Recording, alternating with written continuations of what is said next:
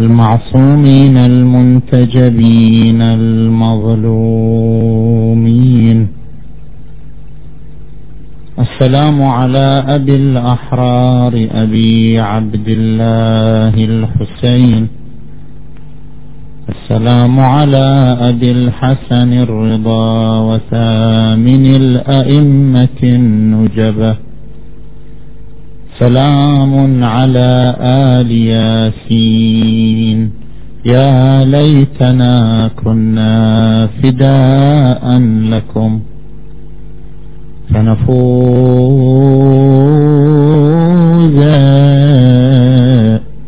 فوزا عظيما. كفاني كفاني ظنا أن أرى بالحسين. شفت آل مروان أضغانها وأغضبت الله في حقه وأرضت بذلك شيطانها. عشية أنهضها بغيها. فجاءته تركب طغيانها. وسامته يركب إحدى اثنتين. وقد فرت الحرب أسنانها فإما يرى مذعنا أو تموت نفس. أبى العز إذعانها. يا يا يا فقال لها اعتصمي بالإبة فنفس الأبي وما زانها. يا يا وأضرمها لعنان السماء حمراء تلفح أعنانها يا إلى أن إلى أن قضى للعلا حقها. وشيد بالسيف بنيانها يا يا يا يا ترجل للموت عن سابق له أخلت الخيل ميدا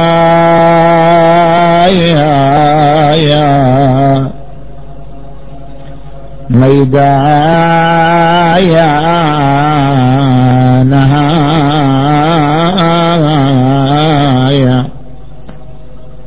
فما يا يا يا يا يا يا أجلت الحرب عن مثله. صريعا يجبن شجعا يا يا يا شجعا يا نهايا عثيرين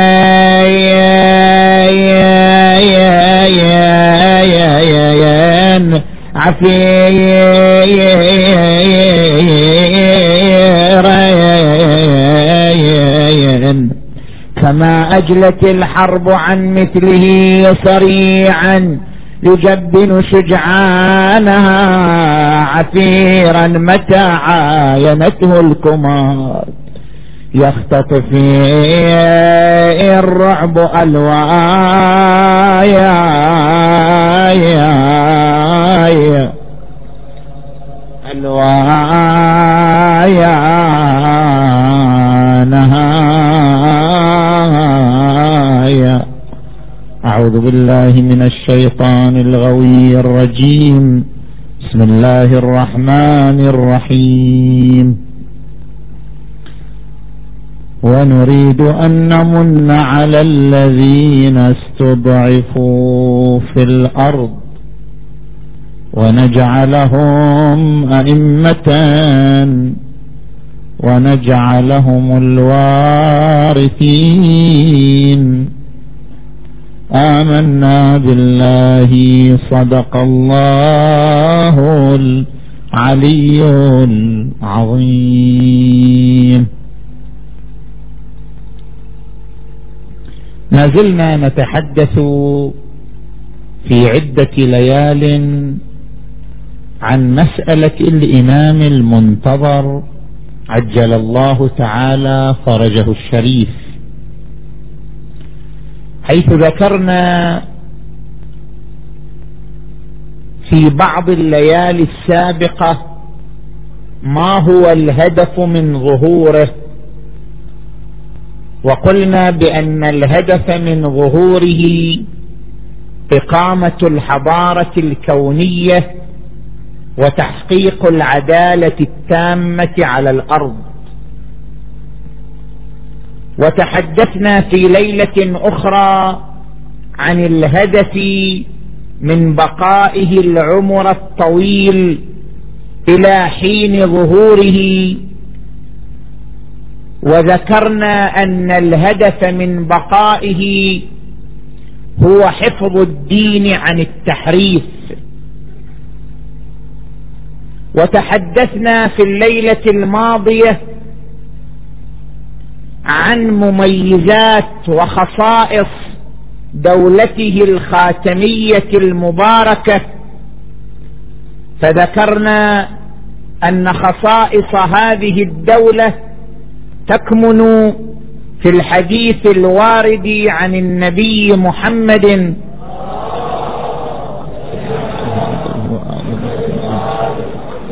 لو لم يبق من الدنيا إلا يوم لبعث الله رجلا من أهل بيتي يملأ الأرض قسطا وعدلا كما ملئت ظلما وجورا. وشرحنا الحديث بشكل مفصل في الليلة الماضية. وصل بنا الكلام إلى طرح هذا السؤال.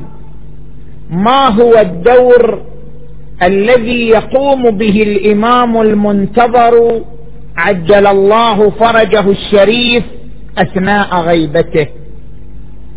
ربما يقول قائل الإمامة هي منصب يعني القيام بدور رسالي معين. فإذا لم يكن الشخص قائما بدور رسالي فلا معنى لكونه إماما. الإمامة مساوقة للقيام بالدور الرسالي. فإذا كان الشخص لا يمكنه أن يقوم بأي دور رسالي فما الفائدة في جعله إماما؟ وما المبرر لجعله إماما؟ وهو يبقى مئات السنين دون أن يقوم بأي دور تجاه المجتمع البشري. ربما يقول قائل إن جعل الإمام الغائب إماما لغو واللغو لا يصدر من القبيح واللغو لا يصدر من الحكيم تبارك وتعالى لأن اللغو قبيح. فلماذا يجعله الله إماما؟ هذه المئات من السنين مع أنه لا يقوم بأي دور رسالي ينسجم ويتلاءم مع منصب الإمامة ومع موقع الإمامة. من هنا لا بد لنا من الإجابة عن هذا السؤال. ما هو الدور الذي يقوم به الإمام أثناء غيبته؟ وما هي مساهمتنا نحن في تحقيق هذا الدور؟ إذا كان الإمام في غيبته يضلع بأعداء دور معين فأين نحن من هذا الدور؟ وما هو ربطنا؟ وما هي مساهمتنا؟ وما هي مشاركتنا في تجسيد هذا الدور وتحقيق هذا الدور؟ اذا نجيب اولا عن السؤال الأول. هناك نظريتان. النظرية الأولى أن الدور الذي يقوم به الإمام المنتظر القائم عجل الله فرجه الشريف هو عبارة عن الهداية الأمرية. والنظرية الثانية أن الدور الذي يضلع الإمام به أثناء غيبته ألا وهو حفظ الدين عن التحريف والتزوير. نأتي للنظرية الأولى.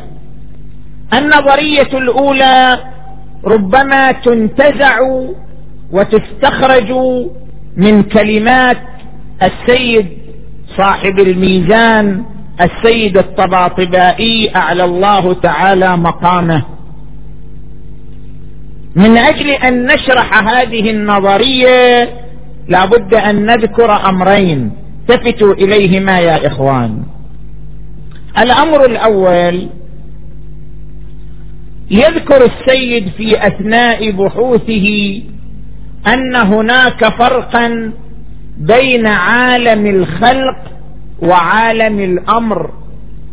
القرآن الكريم تحدث عن عالمين عندما قال ألا له الخلق والأمر فهناك عالم خلق وهناك عالم أمر. ما هو الفرق بين الخلق والأمر؟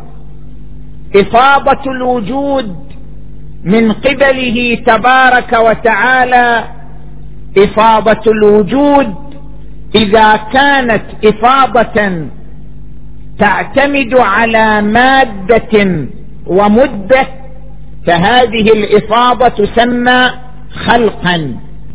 وأما إذا كانت افاضه الوجود افاضه لا تعتمد على مادة ولا على مدة بل المفاض يتحقق بنفس الافاضه فهذا ما نسميه بالأمر.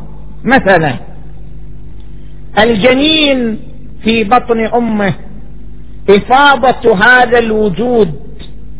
ولقد خلقنا الإنسان من سلالة من طين ثم جعلناه نطفة في قرار مكين. فخلقنا النطفة علقة فخلقنا العلقة مضغة فخلقنا المضغة عظاما. اذا هذا الوجود افاضه الله. لكن أفاضه في مادة ومدة. بما أن هذا الوجود أفاضه الله في مادة ومدة هذا الوجود يسمى خلق. لذلك القرآن الكريم يعبر عنه بالخلق. يقول ولقد خلقنا الإنسان من سلالة من طين أولم يرى الإنسان أنا خلقناه خلقناه. أنا خلقناه من نطفة. فإذا هو خصيم مبين خلقناه.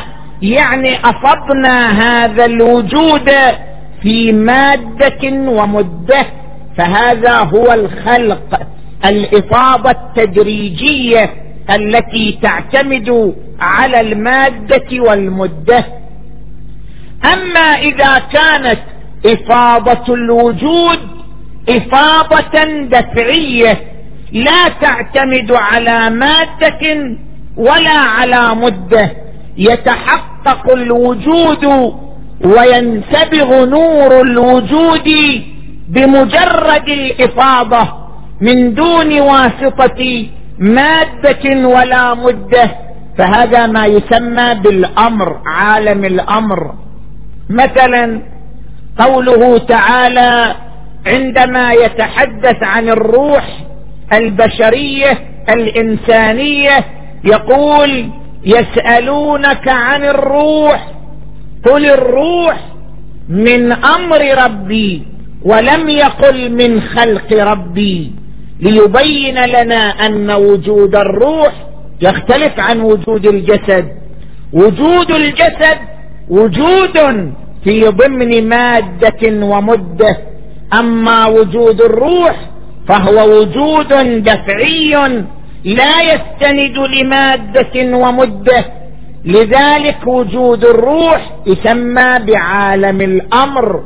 يختلف عن وجود الجسد الذي يسمى بعالم الخلق. يسألونك عن الروح.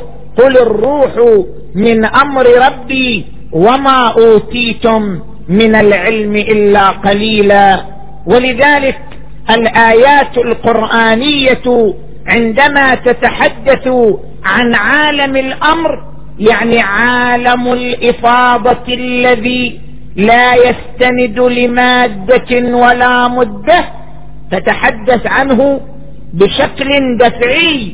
مثلا قوله تعالى وما أمرنا إلا واحدة كلمح بالبصر أمرنا غير خلقنا. خلقنا لا يعتمد على مادة ومدة. أما أمرنا فهو كلمح بالبصر. وما أمرنا إلا واحدة كلمح بالبصر. إشارة إلى دفعية الوجود الأمري وتدريجية الوجود الخلقي. اذا هذا هو الفرق بين عالم الخلق وعالم الأمر الذي تحدثت عنه الآية القرآنية حسب نظر السيد صاحب الميزان بقولها ألا له الخلق والأمر. هذا هو الأمر الأول الذي يذكره السيد صاحب الميزان قدس سره. صلوا على محمد وآل محمد.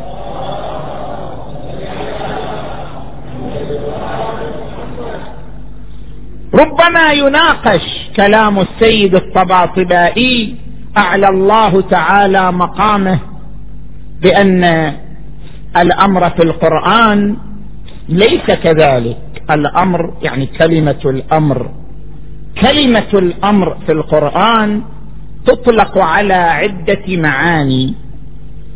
من المعاني التي تطلق عليها كلمة الأمر في القرآن هو الإرادة المشيئة الإلهية كما في قوله تعالى ولتجري الفلك بأمره يعني بمشيئته. وكما في قوله تعالى والشمس والقمر والنجوم مسخرات بأمره يعني بإرادته ومشيئته تبارك وتعالى فالأمر بمعنى الإرادة والمشيئة. وربما يطلق الأمر في القرآن الكريم بمعنى التدبير. مثلا قوله تبارك وتعالى يدبر الأمر من السماء إلى الأرض ثم يعرج إليه في يوم كان مقداره خمسين ألف سنة. يدبر الأمر يعني شنو؟ يعني يدبر أمر الوجود يدبر شأن الوجود يدبر مسيرة الوجود. مسيرة الوجود حركة الوجود حركة الوجود ومسيرة الوجود عبر عنها تبارك وتعالى بالأمر. يدبر الأمر يعني يدبر حركة الوجود ومسيرة الوجود. فالأمر أحيانا قد يطلق في القرآن الكريم ويراد به النظام يراد به المسيرة والحركة. اذا الأمر في القرآن الكريم يطلق على معاني. فإذا كان الأمر يطلق على معاني فمن أين فهمنا أن قوله تعالى ألا له الخلق والأمر؟ يعني الأمر هو الوجود الأمري يعني الوجود الدفعي الذي لا يستند إلى مادة ولا إلى مدة من أين فهمنا ذلك؟ لعل المقصود في الآية المباركة ألا له الخلق والأمر؟ يعني كما أنه تكفل الخلق تكفل تدبير الخلق. فالمراد بالأمر هو أمر التدبير إدارة حركة الوجود إدارة مسيرة الوجود. ألا له الخلق والأمر؟ يعني كما أن من شأنه تبارك وتعالى خلق هذه الموجودات وإفاضة هذه الوجودات من شأنه أيضا إدارة هذا الوجود وتدبير هذا الوجود فله الخلق وله أيضا الأمر يعني أمر الإدارة والتدبير. كما قال في آية أخرى يدبر الأمر من السماء إلى الأرض ثم يعرج إليه في يوم كان مقداره خمسين ألف سنة. اذا ليس عندنا دليل على أن المراد بالأمر في هذه الآية أن هناك عالمين عالم خلق وعالم أمر وعالم الخلق. تدريجي وعالم الأمر دفعي وعالم الخلق هو عالم المادة وعالم الأمر هو عالم الأرواح. ليس عندنا دليل من القرآن على هذا. لعل المراد بالأمر في الآية هو أمر التدبير ليس إلا. مثلا نحن عندما نلاحظ قوله تبارك وتعالى وما أمرنا إلا واحدة كلمح بالبصر. المراد بالأمر هنا المشيئة الإلهية. يعني المشيئة الإلهية لا يتخلف عنها معلولها. كيف لا يتخلف عنها معلولها؟ أنا صحيح الآن دخلت في البحث الفلسفي. إذا تريد أتركه أتركه وأنطلق إلى البحث الذي بعده. هذا شيء يعني باختياركم. نعم؟ صلوا على محمد وآل محمد.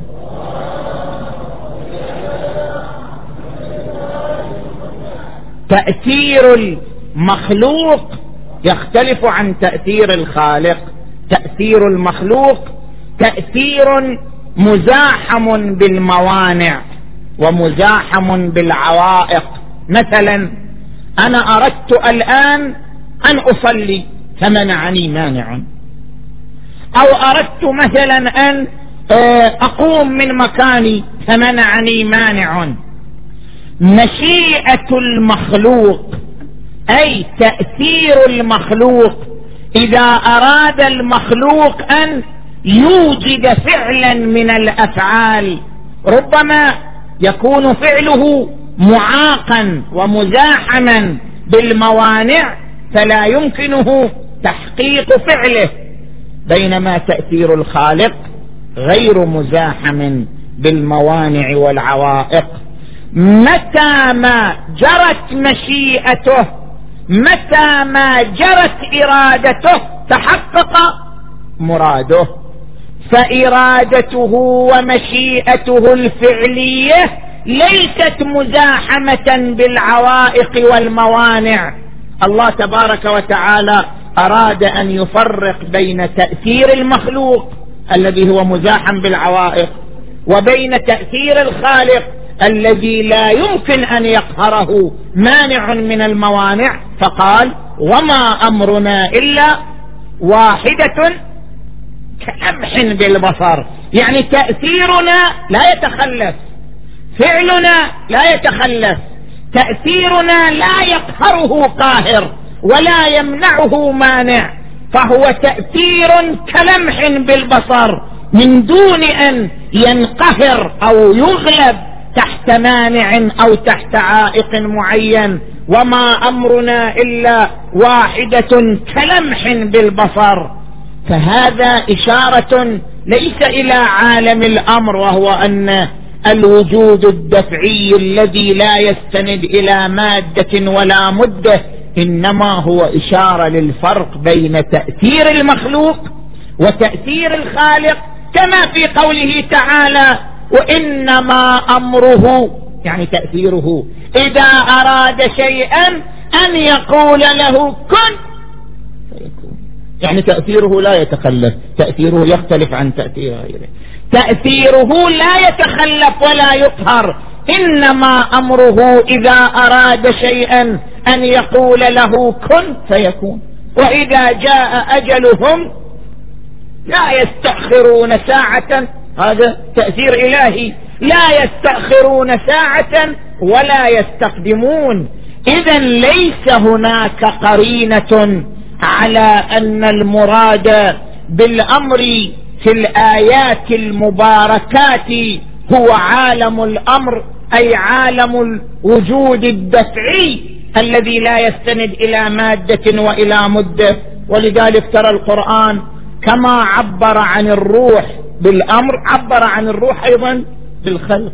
مثلا قوله تعالى ولقد خلقنا الإنسان من سلالة من طين ثم جعلناه نطفة في قرار مكين ثم فخلقنا النطفة علقة فخلقنا المضغة عظاما فكسونا العظام لحما. ثم شنو؟ ثم أنشأناه خلقا. هي الروح. الروح عبر عنها بخلق ثم أنشأناه خلقا آخر. فتبارك الله أحسن الخالقين. اذا كما عبر عن الروح بالأمر في بعض الآيات عبر عنها أيضا بالخلق. في بعض الآيات الأخرى ثم أنشأناه خلقا آخر فتبارك الله أحسن الخالقين. فمن أين قلنا هناك عالم خلق وعالم أمر وهذا وجود تدريجي وهذا وجود دفعي مع أن القرآن عبر عن الروح أيضا بالخلق كما عبر عنها بالأمر. فيمكن أن يقال بأن المقصود في قوله تعالى ويسألونك عن أو يسألونك عن الروح قل الروح من أمر ربي وما أوتيتم من العلم إلا قليلا. الأمر هنا يراد به الشأن. مثل مثلا قوله تعالى وما أمر فرعون برشيد. ما أمر فرعون برشيد يعني ليس شأنه شأنا رشيدا. أيضا هنا الروح شأن من؟ شأن الخالق أم شأن المخلوق؟ شأن الخالق. أنتم تسألون عن الروح؟ أنا أقول لكم الروح من شأني أنا من وظيفتي أنا وليس من وظيفتكم.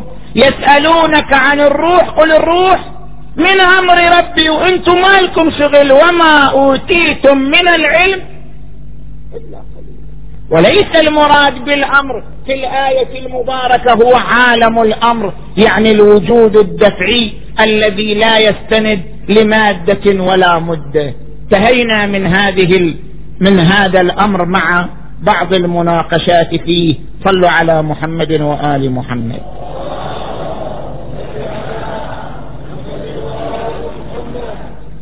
ثم نجي إلى الأمر الثاني. السيد الطباطبائي رضوان الله تعالى عليه ذكر في الميزان أن الإمامة مساوقة للهداية الأمرية.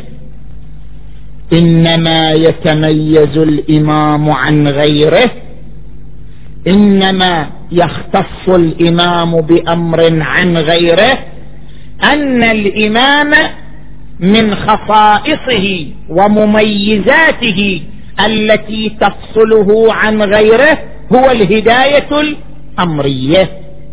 استنادا إلى قوله تعالى وجعلنا منهم أئمة يهدون بأمرنا الإمام هو الذي يهدي بالأمر.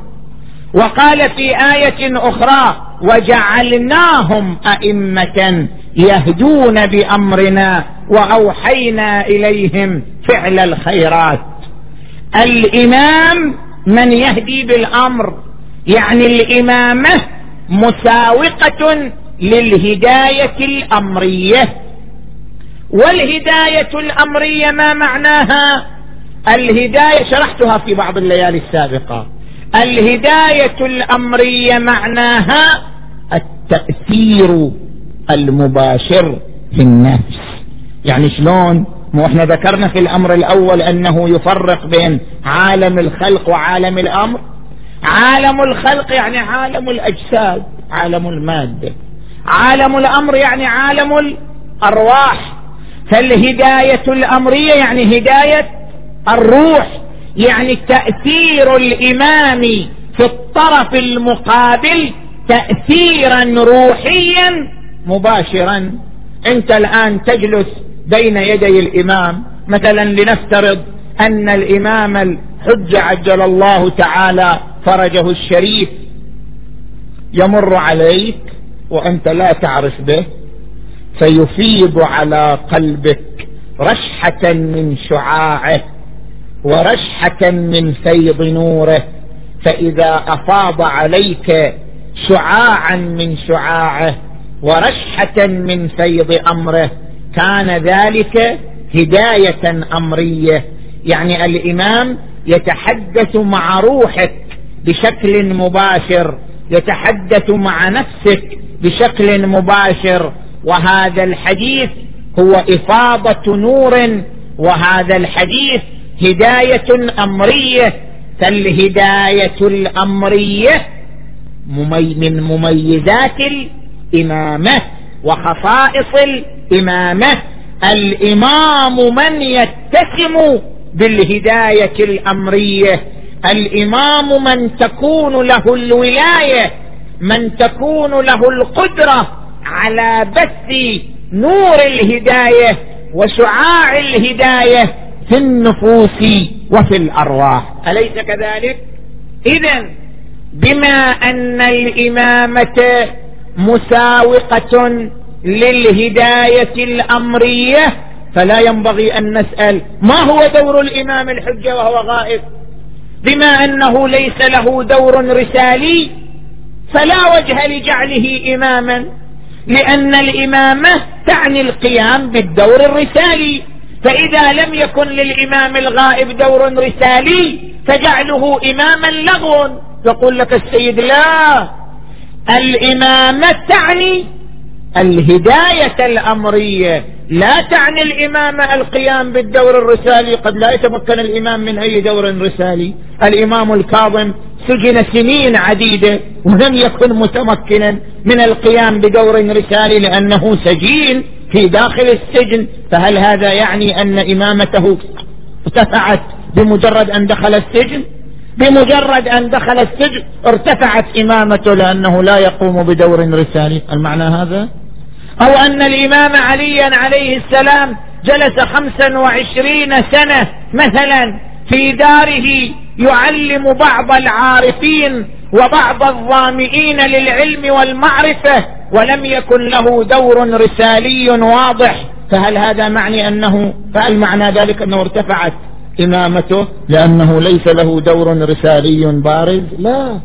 الامامه لا تساوق القيامه بالدور الاجتماعي فإن الدور الاجتماعي مرهون بظروفه. قد يتمكن الإمام وقد لا يتمكن. كما ورد عن الإمام علي عليه السلام لا بد لله من حجة في الأرض إما ظاهرا مشهورا أو خائفا مغمورا هو حجة وإن كان خائفا مغمورا فالإمامة لا تعني القيام بالدور الاجتماعي الإمامة تعني الهداية الأمرية. ودور الإمام وهو غائب الهداية الأمرية. يبث نور الهداية في النفس المصطفات في النفس المجتبات متى ما رأى نفسا معدة ومؤهلة وكفءا لأن يفاض عليها نور الهداية الأمرية أفاضه عليها صلوات الله وسلامه عليه. الهداية الأمرية من خصائص الامام نحن لا ننكر ذلك. ولكن ليس هذا معنى أنه أخذناه من القرآن. لا أخذناه من الروايات. نحن استفدنا من الروايات الواردة عن أهل البيت صلوات الله وسلامه عليهم أجمعين. استفدنا من الروايات أن من مميزات الإمام الاطلاع على عالم الملكوت من مميزات الإمام الهداية الأمرية. هذا استفدناه من الروايات. أما السيد قدس سره يقول لا هذا مستفاد من القرآن من قوله تعالى وجعلنا منهم أئمة يهدون بأمرنا وهنا موضع المناقشة مع كلام السيد رضوان الله تعالى عليه. قد يقال في مقابل هذا الرأي المطروح أنه لا لا علاقة لهذه الآية وجعلنا منهم أئمة يهدون بأمرنا لا علاقة لهذه الآية بمسألة الهداية الأمرية لماذا؟ لأن كلمة الأمر يا إخوان في القرآن كما ذكرنا في المناقشة السابقة استعملت بمعاني متعددة ومن جملة معاني الأمر الدين نفس الدين الدين السماوي عبر عنه بالأمر. الآن أقرأ لك آيات يتضح من خلالها أن القرآن يعبر بكلمة الأمر ويريد به الدين والرسالة. مثلا قوله تعالى وما كنت بجانب الغربي إذ قضينا. شنو؟ ما تحفظ القرآن. وما كنت بجانب الغربي إذ قضينا إلى موسى الأمر. شنو الأمر الذي قضي إلى موسى؟ يعني الهداية الأمرية؟ آه. إذ قضينا لموسى الأمر قضي لموسى الدين نزل عليه الدين السماوي ابتداء من ذلك اليوم. فالأمر هو عبارة عن الدين السماوي. مثلا اقرأ قوله تعالى يتحدث عن بني إسرائيل. قد حصلني عن بني إسرائيل. الله أكبر. قد حصل مواهب بني إسرائيل. يقول يتحدث عن بني إسرائيل. ولقد آتينا بني إسرائيل الكتاب توراة والحكم يعني الملك لأن سليمان كان ملك وهو من بني إسرائيل. داود هم كان ملك وهو من بني إسرائيل.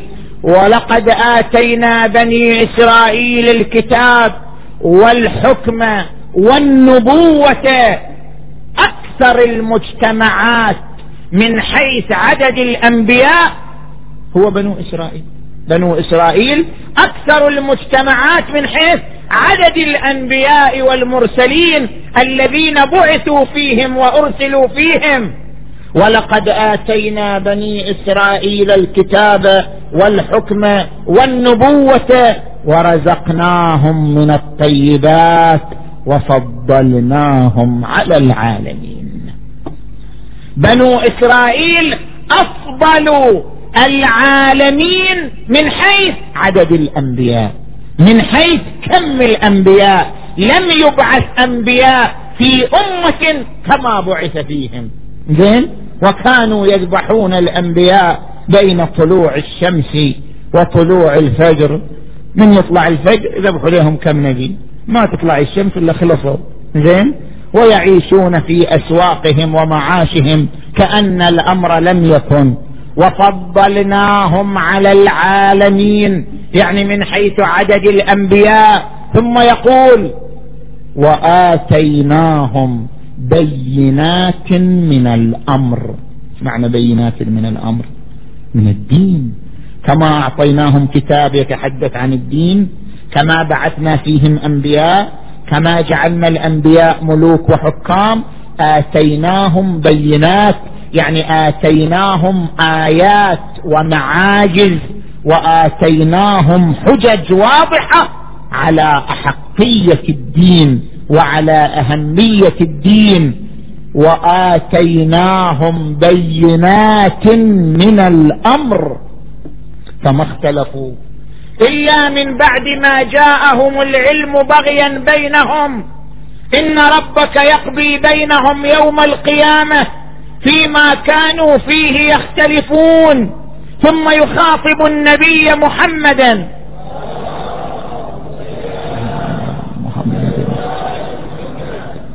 يخاطب يوجه الخطاب إلى النبي صلى الله عليه وآله ثم جعلناك على شريعة من الأمر فاتبعها.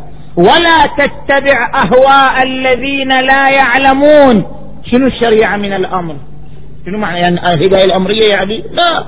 شريعة من الدين. فالدين كما له جنب فكرية له جنب شريعية. شريعية هي هي الأعمال العبادات. الدين كما هو فكر فهو شريعة أيضا. فالدين له جنبتان جنبة الفكر وجنبة الشريعة. الشريعة هي الأعمال التطبيقية والوظائف التي يمارسها المتدينون. يقول للنبي محمد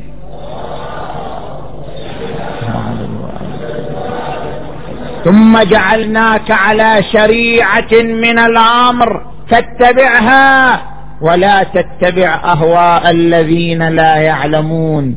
اذا إذا كان الأمر في القرآن الكريم يطلق على الدين السماوي وعلى الرسالة السماوية فحينئذ يمكن أن تكون هذه الآية ناظرة للرسالة وجعلناهم أئمة يهدون بامرنا يعني يهدون بواسطة ديننا ورسالتنا وجعلنا منهم أئمة يهدون بأمرنا يعني يهدون العباد بواسطة ديننا ورسالتنا. لا أن المراد بالأمر في هذه الآية الهداية الأمرية التي استفدناها من الروايات الشريفة.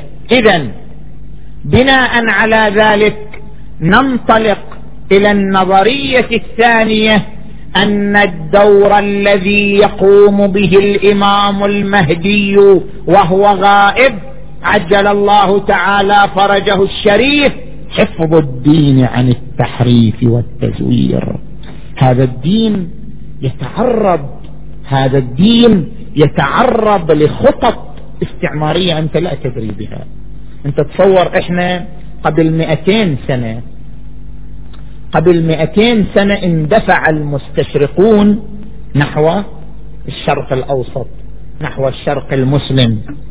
من قبل مئتين سنة صاروا يجونا مستشرقين من أوروبا ومن مناطق أخرى. ما هدف المستشرقين؟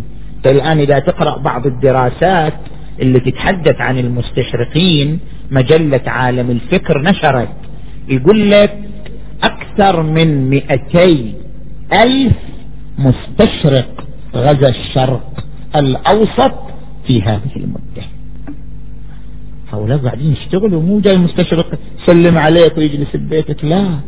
هؤلاء نفذوا إلى الشرق الأوسط دخلوا المكاتب دخلوا المساجد دخلوا القاعات سمعوا العلماء سمعوا المحاضرين درسوا المجتمع الإسلامي ما هي العوامل المؤثرة في قوته؟ ما هي العوامل المؤثرة في ضعفه؟ درسوا الفكر الإسلامي دراسة دقيقة ليتعرفوا على المناطق التي من خلالها يمكن العبور ويمكن النفوذ. درسوا الإسلام والمسلمين فكرا ومجتمعا دراسة مركزة ثم كتبوا تقارير لحكوماتهم ولسلطاتهم عن هذا المجتمع الإسلامي عن الشرق الأوسط. وبالتالي بدأت الخطة الخطة الفكرية بدأ الغزو الفكري من أكثر من مئة سنة إلى هذا المجتمع. بدأ الغزو الفكري وهو تشكيك المسلمين في أصول فكرهم.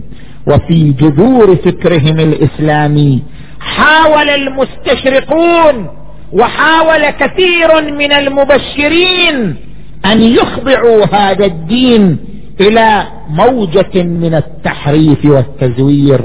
كما صنعوا بالتوراة وكما صنعوا بالإنجيل وما زالت خططهم وما زالت مكائدهم وما زالت المخططات الفكرية وما زالت الاستراتيجية للغزو الفكري وهو تشكيك المسلمين في دينهم من خلال تحريف بعض الآيات تزوير بعض الأحاديث تزوير بعض المفاهيم الدينية بث بعض الشائعات بث بعض المغالطات بس بعض المفاهيم الخاطئة.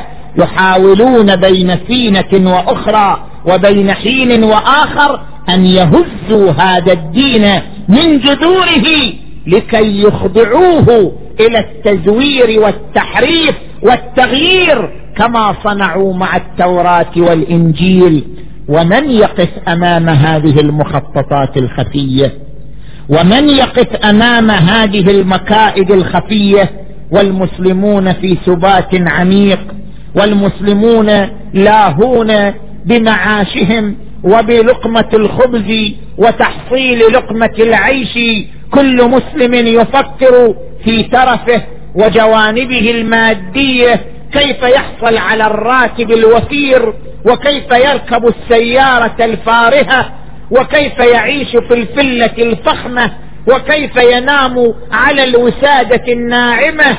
المسلمون يعيشون في أوحال الترف وغيرهم يخطط كيف يغزو دينهم وكيف يهزه من جذوره وأصوله.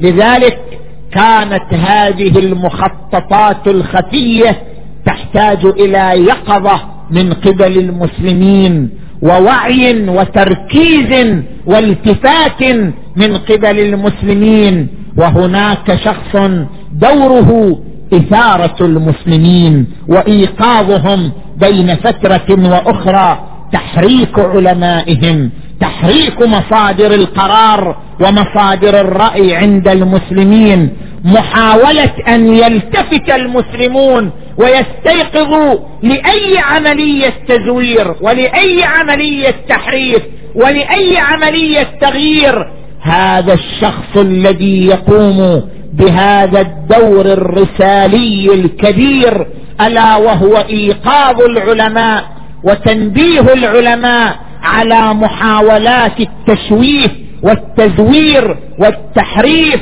للحقائق للعقائد للمفاهيم الإسلامية. هذا الشخص الذي يقوم بعملية الإيقاظ وعملية البعثة من النوم والسبات هو المهدي المنتظر. عجل الله فرجه الشريف.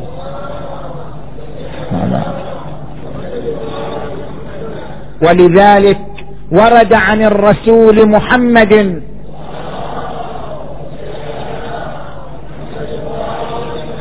وهذا الحديث كما هو موجود عندنا موجود عند إخواننا أهل السنة أيضا. في كل خلف من أمتي عدول من أهل بيتي. ينفون عن هذا الدين تحريف الضالين وبدع المبطلين. لا يمر زمن على الأمة الإسلامية إلا ويهيئ الله مجموعة من العلماء الذين يأخذون على عاتقهم مواجهة الضالين ومواجهة المبدعين وتنبيه الأمة الإسلامية على التحريفات والتزويرات والمغالطات للمفاهيم الإسلامية التي قد تنفذ للأمة من حيث لا تشعر الأمة ومن حيث لا يلتف لا تلتفت الأمة. وأولئك العلماء كما ورد عن الرسول صلى الله عليه وآله ينتمون إلى الرسول إما بالأب أو بالأم. المهم أنهم يرجعون إلى نسل رسول الله صلى الله عليه وآله في كل خلف من أمتي. عدول من أهل بيتي ينفون عن هذا الدين تحريف الضالين وبدع المبطلين وذلك عن طريق تأييد وتسديد وإيقاظ من الإمام المنتظر القائم. عجل الله فرجه الشريف. صلوا على محمد.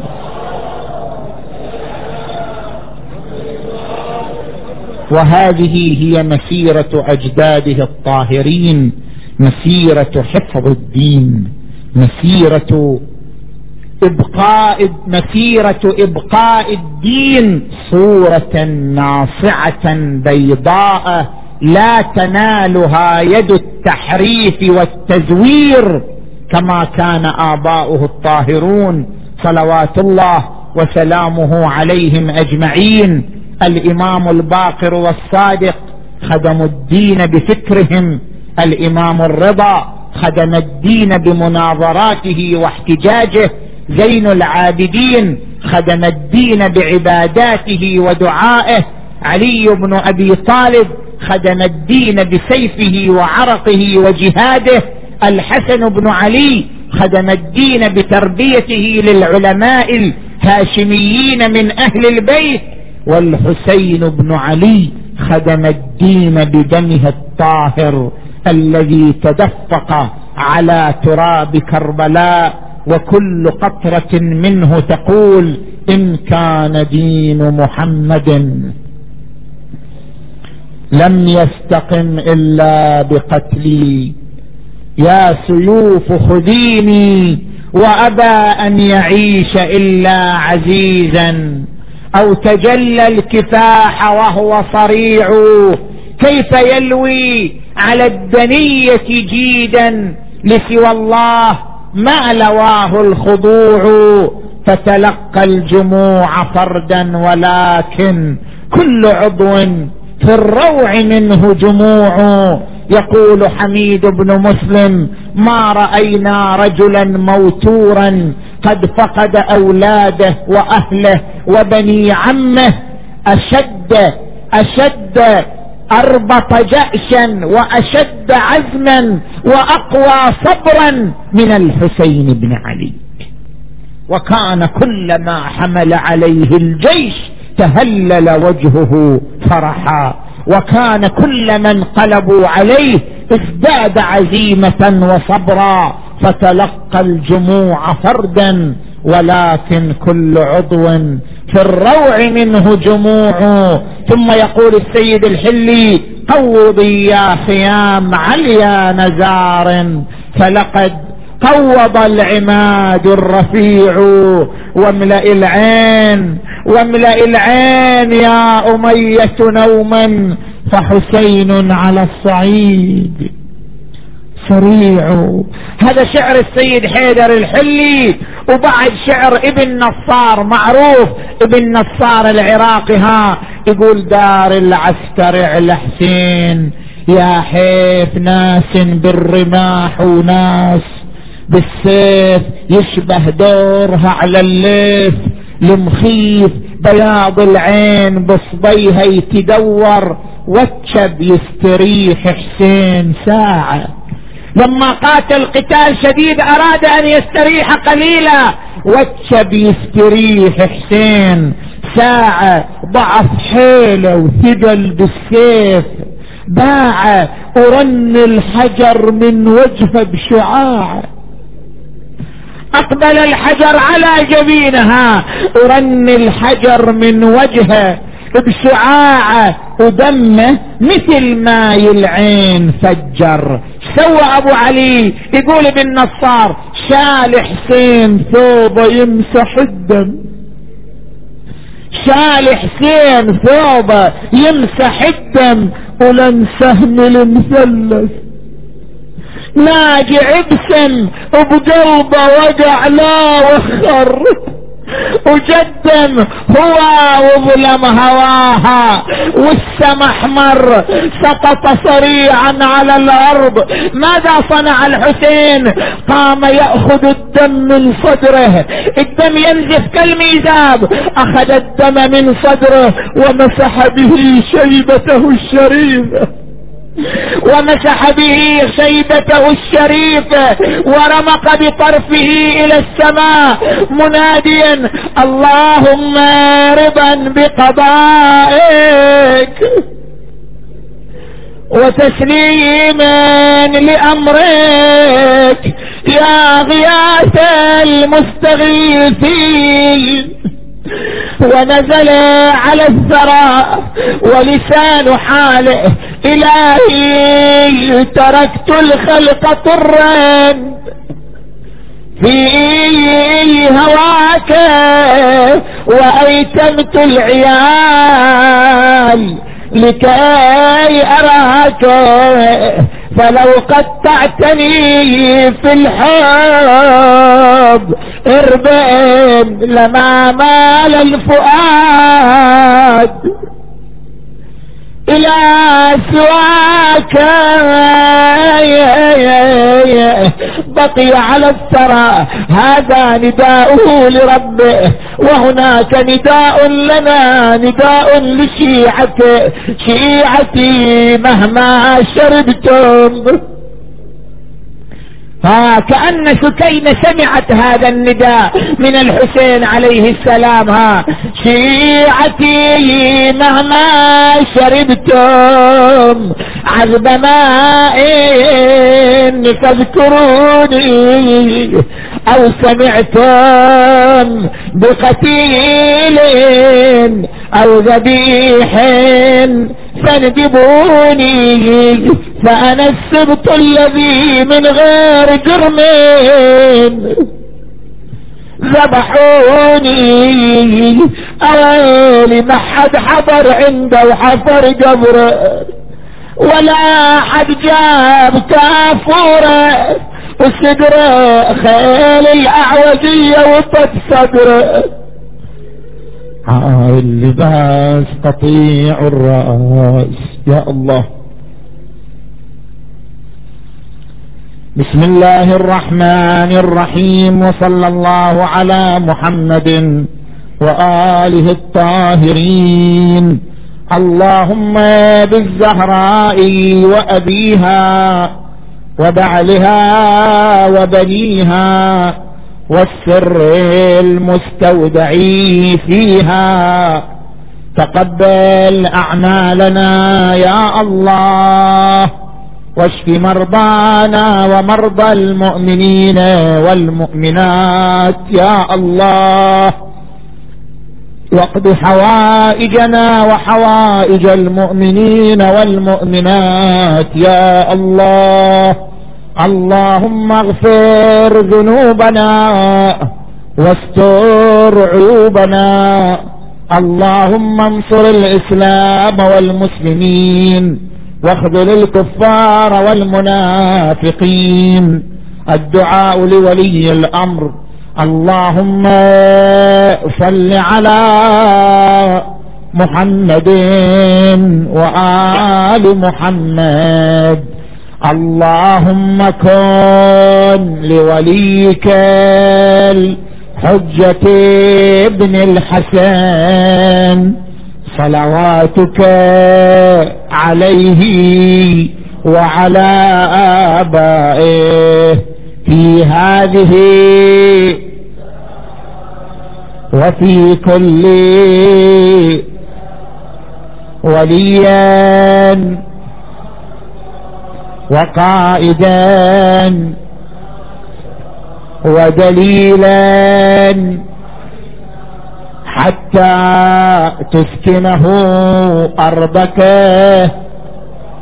وتمتعه فيها وهب لنا رأفته ورحمته ودعاءه وخيراه اللهم ارحم جميع أمواتنا وأموات المؤمنين وأموات المؤمنين والمؤمنات وإلى أرواح الجميع. بلغ ثواب الفاتحة. قبلها الصلوات.